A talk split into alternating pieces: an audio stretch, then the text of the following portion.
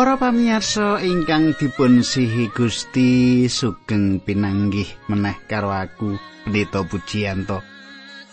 Ana ing adicara margi utami adicara kang nderekake panjenengan sinau babagan-babagan kayakten saka kitab suci kanthi urut lan panci kita aturake kanthi prasaja sederhana supaya panjenengan pirsa bisa nangkep apa kang dadi kayekten kang dipratelakake kan dibuka dening kitab suci kita iki.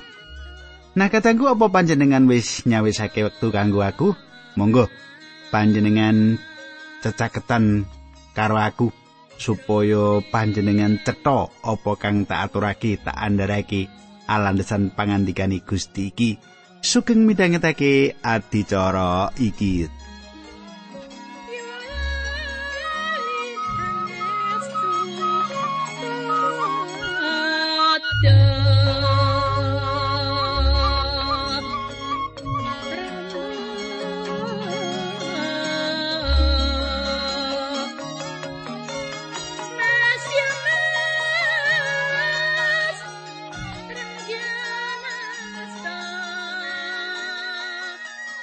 Sumitraku ing adicara kepungkur ing patemon kita kepungkur kita wis nyemak.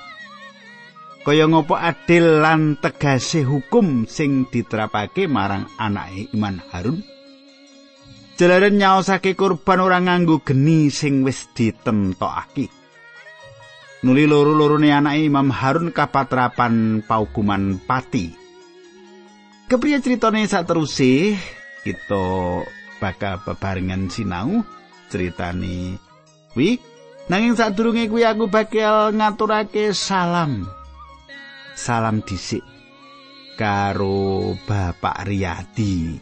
Kados bundi Bapak Riyadi? Sae-sae Ibu sae-sae Pak inggih Kula sampun ndongaaken panjenengan nalika panjenengan telepon kalian kula nanging dilalah kok telepone. Mati. Inggih.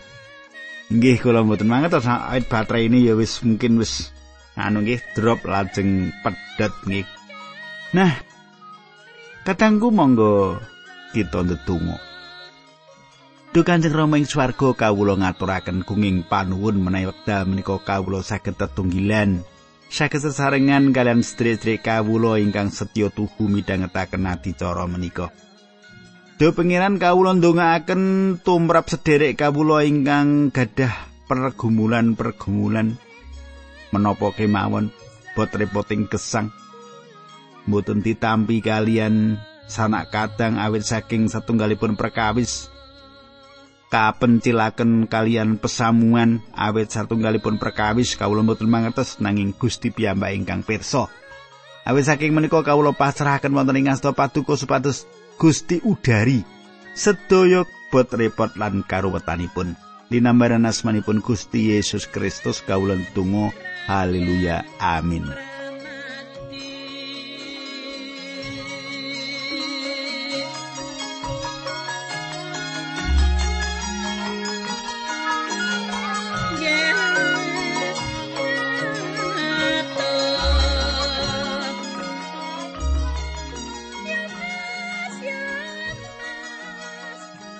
pamirsa panggegilut kita wis tekan kitab keimaman pasal 11 utawa bab 11.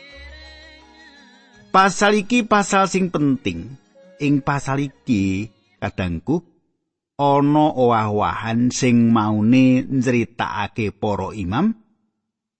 Saiki nyritakake kanggo wong akeh. Nyritakake kanggo masyarakat Yahudi kabeh.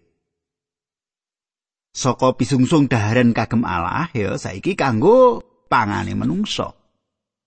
Saka pangibadah ing ngarsane Allah saiki bab kepriye urip neng donya iki. Owah-owahan saka sing sifat rohani tumeka kahanan donya sakputuhe. Kita tansah bedakake kanthi cara sing ora bener antarane sing rohani, sing sakral, lan sing sipate kadonyan. Nek basa Indonesia duniawi utawa sekuler. Kita duweni panemu yen apa wae sing ditindakake ana ing gereja mesti sakral. mesti rohani. Malah bangsane rasan-rasan gosip sing ditindakake ing gereja uga kita anggap sakral ya. Panjenengan apa gaweane gosip ya kae lho Pak Ibu pendeta lho. Wah wis ngene kaya piye ya Pak pendeta piye ngene. Nah. Iku kaanggep sakral tuh berapa panjenengan? Rasan-rasan gosip apa mana yen gosip mau wujude pandonga. Yen gosipe ora ning gereja, lah iki sing diarani duniawi utawa kadonyan. Sebenarnya kabeh sing kita tindakake ning endi wae katangku, iku bisa kagem ngluhurake asmane Allah, Gusti Allah. Ora bidak-bidakake. Ing pasal iki kita bisa nemokake ayat-ayat sing nggambarake yen Allah iku banget nggone peduli marang umate. Malah peduline kepara gemet kepara teliti, kepara rinci. Ora ana perkara cilik sing dilakoni manungsa sing Allah ora mirsani. Mula kabeh dadi perduline Allah. Dadi kawigatene Allah nganti tekan bab mangani para umat. Ana sawane sedulur kita sing nakokake apa ya bab-bab sing sepele kita uga ndedonga nyuwun marang Allah.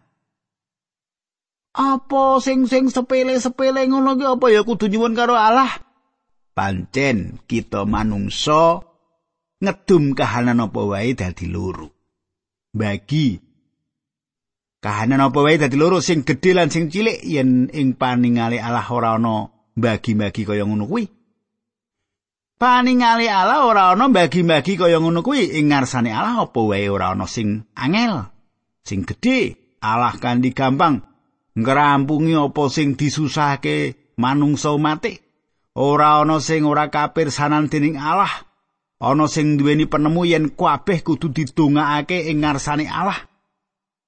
Pengajaran kasukman utawa rohani ing pasal iki uga akeh banget ana uga bab-bab sing nyata lan uga sing praktis sing gampang ditindakake saben wektu jalaran aturan-aturan iki kaya-kaya mung kanggo bangsa Yahudi wae Kanthi mengkono kita ora mredulekake Allah ngawisi. Allah nglarang mangan daginge sawetara kewan. Nanging kabeh mau ana gandeng cenenge karo bab kewarasan kita. Wong Yahudi, wong Israel bisa mangan daging kewan, manuk lan uga iwak sing ora diawisi dilarang dening Allah. Bisa wae Allah yasa gawe aturan sing matesi bab mau. Sing iki haram, sing iki halal, nanging kita kudu percaya yen kabeh kanggo kabecikan kita dhewe. Kewan sing dilarang Allah, sing diawisi Allah kanggo kita pangan, umume kewan sing mangani barang sing reget, sing kotor. Kewan sing dilarang dipangan dening hukum Musa iki gampang nekake penyakit. Dr. Kellogg, sawijining teolog, duweni panemu ngene. Ana panemu sing penting ing babagan sains modern, ilmu pengetahuan modern, yen sebagian penyakit manungsa jalaran disebabke dening parasit sing urip ing kewan. Kewan sing pangane kotor reget gampang kena penyakit lah ya penyakit sing jalaran saka parasit ing kewan-kewan mau sing ditularake manungsa. Nalika semana Nabi Musa apa dene tabi-tabi ping Mesir uga ora ngerti marang penyakit-penyakit iki. Nanging ala perso, ala nuli mbedakake sing halal lan sing haram. Ana teolog liyane Dr. Noel de Musi duweni panemu anane penyakit sing jalaran saka parasit dan infeksi sing wis ngerasuk sebagian masyarakat Mesir lan Yahudi dadi pemikirane Nabi Musa nganti lahir aturan-aturan bab apa sing resik sing bisa dipangan dening manungsa. Jalaran akeh penyakit sing saka parasit sing nyebabake infeksi sing nganti mlebu ing aluring getih nuli hukum Musa ngandhake yen kabeh kewan sing disembelih kudu nganti tuntas getihe. Getihe ora dipangan. Kepriye yo carane kok Nabi Musa bisa ngerti bab-bab mau? Mestine Nabi Musa durung ngerti bab-bab penyakit mau nanging Allah sing pirsa lan panjenengane sing paring dawuh marang Nabi Musa. Wis sak mestine yen saben wong percaya, wong Kristen ora nyepelekake kahanane awake. bab sing dipangan, bab sing diombe lan nindakake uripe ora sembrono supaya ora ngrusak awake. Jalaran sabdane Gusti, ing siji Korinta telu ayat 16 meratelake mangkene apa kowe padha ora ngerti? Yen kowe kuwi gedhong pedalemane Gusti Allah sebab roe Allah dumunung ana ing kowe. Sing jasmani ora pisah babar pisan karo kahanan rohani. Ing wektu sing bebarengan karping ati bisa nindakake kanthi kajasmanen mangan apa wae. Ora ana sifat rohani nalika mangan utawa ora mangan salah siji jinise panganan. Ayo padha keto semak kepriye unine bab suci ing bab iki? Ing Rom 14 ayat 14 mergo saka nggonku tetunggilan karo Gusti Yesus aku bisa nemtokake yen ora ana barang apa wae sing najis saka karepe dhewe. Nanging yen ana wong sing nganggep sawenehing barang kuwi najis barang kuwi tumrap wong mau nuli najis. Nuli saka layang Korintus siji Korintus 8 ayat 8 mongko satemene pangan kuwi ora marakake kita luwih cedhak karo Gusti Allah Yen kita ora mangan, kita ora kapitunan apa-apa. Mengkono uga saupama kita mangan, kita ya ora bati apa-apa. Malah ing siji Korinta 6 ayat 13. Korinta 6 ayat 13. Ngene surat sani. Ana uga wong sing muni, pangan kuwi mung kanggo weteng, lan weteng kuwi mung kanggo pangan. Kuwi ya bener. Nanging karo-karone bakal dirusak dening Gusti Allah. Badan ora sak mestine kanggo lagu jino. nanging kanggo ngladeni kersane Gusti lan Gusti pancen kersa ngagem badan mau. Pungkasane saka siji Korintus 10 ayat 31 bener nanging aja lali yen apa wae sing kok tindakake apa mangan apa ngombe apa wae sing kok lakoni kuwi kabeh lakonono kanggo kaluhurane Gusti Allah. Katangku malah sing luwih prayoga ora mung pangan sing bebayani tumrap kuwarasan kita. Nanging aja nganti kita mangan sing kliwat-liwat warke. Jalan iku uga mbebayani tumrap kewarasan. Kudu bisa ngendaleni nepsu mangan kuwi. Ora kok angger mangan sak gunung. gitu. Mangan ing gereja, Natalan, langsung ora kelingan tangga-tanggane kanca-kancane njikuk sak puntuk kaya gunung merbabu merapi. Ojo serakah, ya mangan se ya ning omah iki. Saiki kaimaman 11 ayat siji. Gusti Allah maringake pernatan marang Musa lan Harun kanggo bangsa Israel mengkini katanggu. Gusti Allah wis paring garis sing cetha antarane padang lan peteng, rino lan wengi, putih lan ireng, salah lan bener, halal lan haram. Ya panjenengane Allah sing akarya pamisah antarane padang lan peteng. Uga jalaran kersane Allah beda-bedake anane bangsa-bangsa nganti saben bangsa lan suku padha duweni budaya lan wernane kulit sing beda. Allah ngersakake menungso seneng marang sing becik lan ngedoi sing ala. Nanging jaman saiki manungsa ketul latine kanggo bedakake apa sing bener lan sing luput. sing apik karo sing ala kethul. Manungsa adreng nggone golek kebebasan kanggo mapanake sing sipate tanpa moral ing bagian atine manungsa sing klawu. Nek basa Indonesia apa ya yang abu-abu. Sing ora peteng nanging uga ora padhang ala nggone mbedakake pakaryane ngarah supaya manungsa bisa ketarik ing urip sing tansah asung sawute urip ing mesbe Allah lan nyelak marang Gusti Yesus sing sedo ing kayu salib. Yo iki dalane pangapura lan kasucen. Gusti Allah wis yoso aturan. Gusti Allah wis yoso aturan nanging kepriye bisa ngerti yen iki sing bener lan iki sing luput. Sing bener yaiku bener miturut sabdane Allah ing kitab suci. Donya sawengkone iki kagungane Allah. Apa panjenengan wis tau ngerti utawa krungu ana aturan sing luwih sempurna saka iku? Malah wis yoso aturan kanggo bumi lan wewengkone hukum gravitasi upamane. Yen panjenengan bisa uwal saka gravitasi, malah bakal ilang kenter ing aluning atmosfer. Allah uga nguasani kahanane manungsa sadina-dina nganti tekan babagan apa sing dipangan dening manungsa. endi sing halal lan endi sing haram? Manungsa kudu tansah eling lan dielingake yen urip ing satengah donya sing kebak samubarang sing nuntun marang dosa. Mula manungsa kudu waspada bisa mbedakake endi sing apik lan nolak sakabehe tindak dosa. Sing bisa mbedakake iku mung apa sing diarani moral nurani sing luhur. Mula samu barang sing ora haram bisa ndadekake pikiran padang lan kuarasane awak. Cetha ya katengku ya. Nah tak teruske. Bedane kawan garam lan halal wis dingerteni manungsa sadurunge jaman Nabi Musa. Ing jamane Nabi Nuh wis bisa mbedakake iki. Kewan-kewan manuk lan iwak hukum haram halali nganti saiki jaman modern ora ana wawahan iku kabeh kedadian ora jalaran kebenaran. Alam bedake kewan-kewan sing bisa panjenengan dahar lan kewan-kewan sing panjenengan ora kepengin dahar. Ing wilayah liya kewan iki dianggep marakake sehat lan kuat.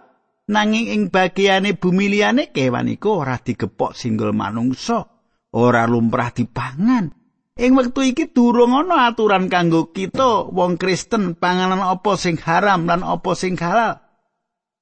Pasal iki uga ngandhakake bab isu bab moral sing penting. Manungsa pancen urip ing satengah kabudayan sing ngemu dosa. Mula manungsa kudu tansah eling lan waspada. Patrap kita kudu kaya nalika manungsa ing Taman Firdaus. Kabeh bisa dipangan mung siji sing ora bisa. Saiki ing donya ora mung siji sing kapitung dosa sing dilakoni nanging akeh cacahe.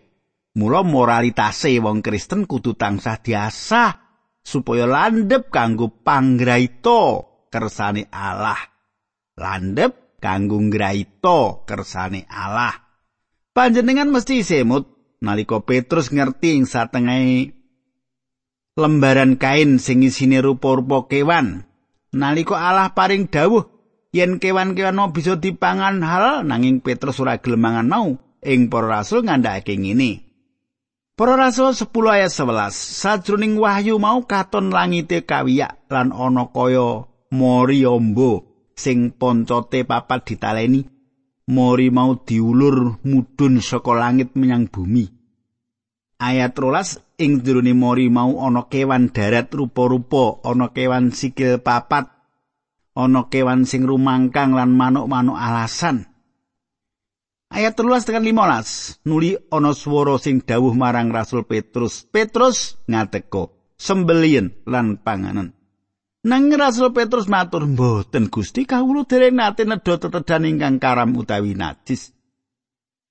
Nanging swara mau nuli ngendika meneh marang Rasul Petrus, "Kowe aja nganggep karam marang sing wis dikalalke dening Gusti Allah." Kadangku. Kanthi maca ayat-ayat iki bisa kita tarik pangerten yen Allah ngersake ya aturan lan manungsa kudu mutusake endi sing kudu ditindakake nyondongi kersane Allah.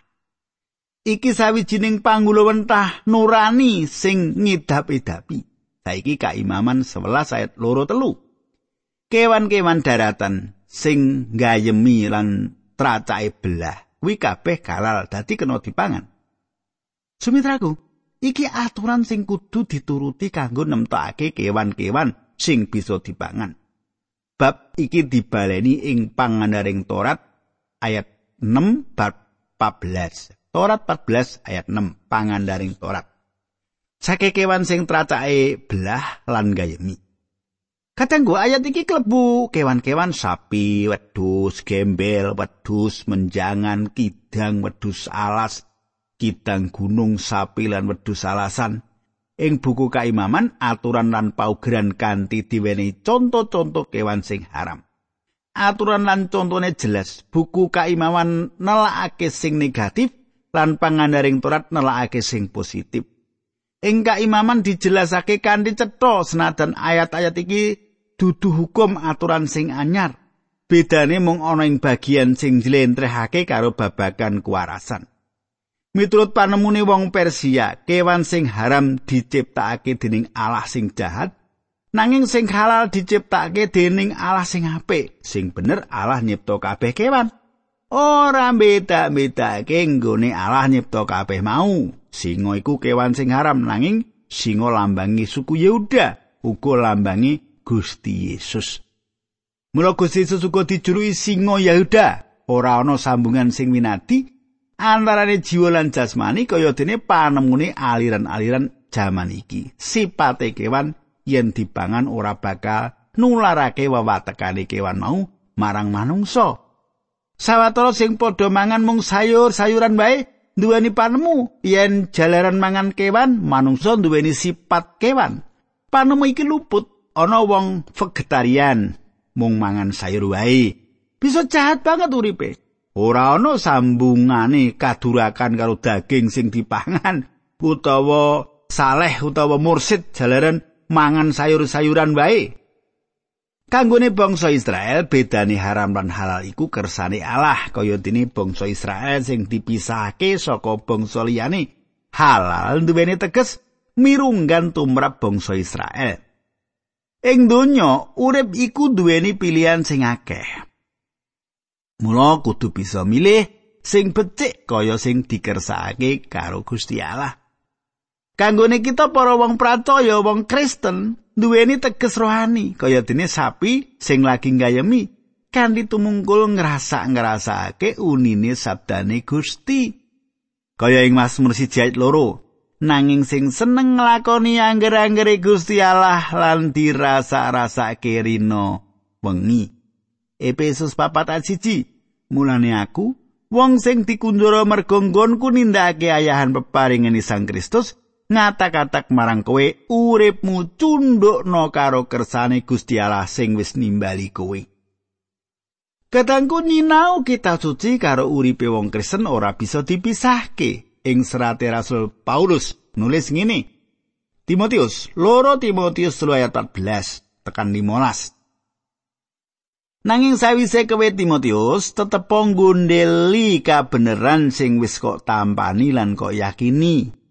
Kowe ngerti sapa guru-gurumu biyen lan elinga yen wiwit cilik kowe wis wano karo kitab suci sing marake kowe oleh kawicaksanan lan nuntun kowe marang keselamatan lantaran percaya marang Gusti Yesus Kristus.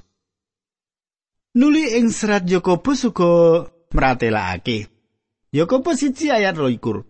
Dawe Allah lakonono, aja mung dirungokake wae sebab yen mung ngrungokake kuwi padha karo ngapusi awakmu dhewe. Kadangku kaya sing wis ndak aturake, Sabdane Gusti karo uripe wong Kristen prasasat ora bisa dipisahake.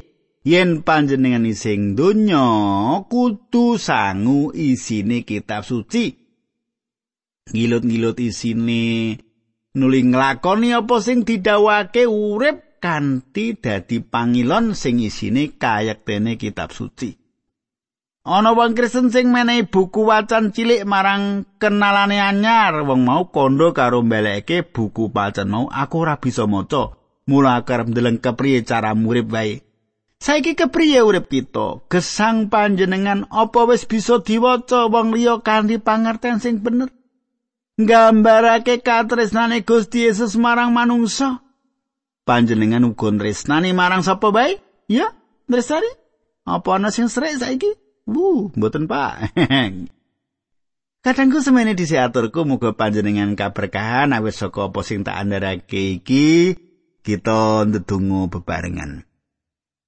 Dukane Rama ing swarga kawula ngaturaken gunging panuwun menawi wekdal menika kawula saged tetunggilan, kawula saged midhangetaken sabda pangandikan Paduka. Kawula nyuwun sepatus Sang Roh Suci kemawon ingkang badhe njarwakaken kandheng wonten ing manahipun sedherek kawula menika. Linambaran asmanipun Gusti kawula Yesus Kristus kawula ndedonga. Haleluya. Amin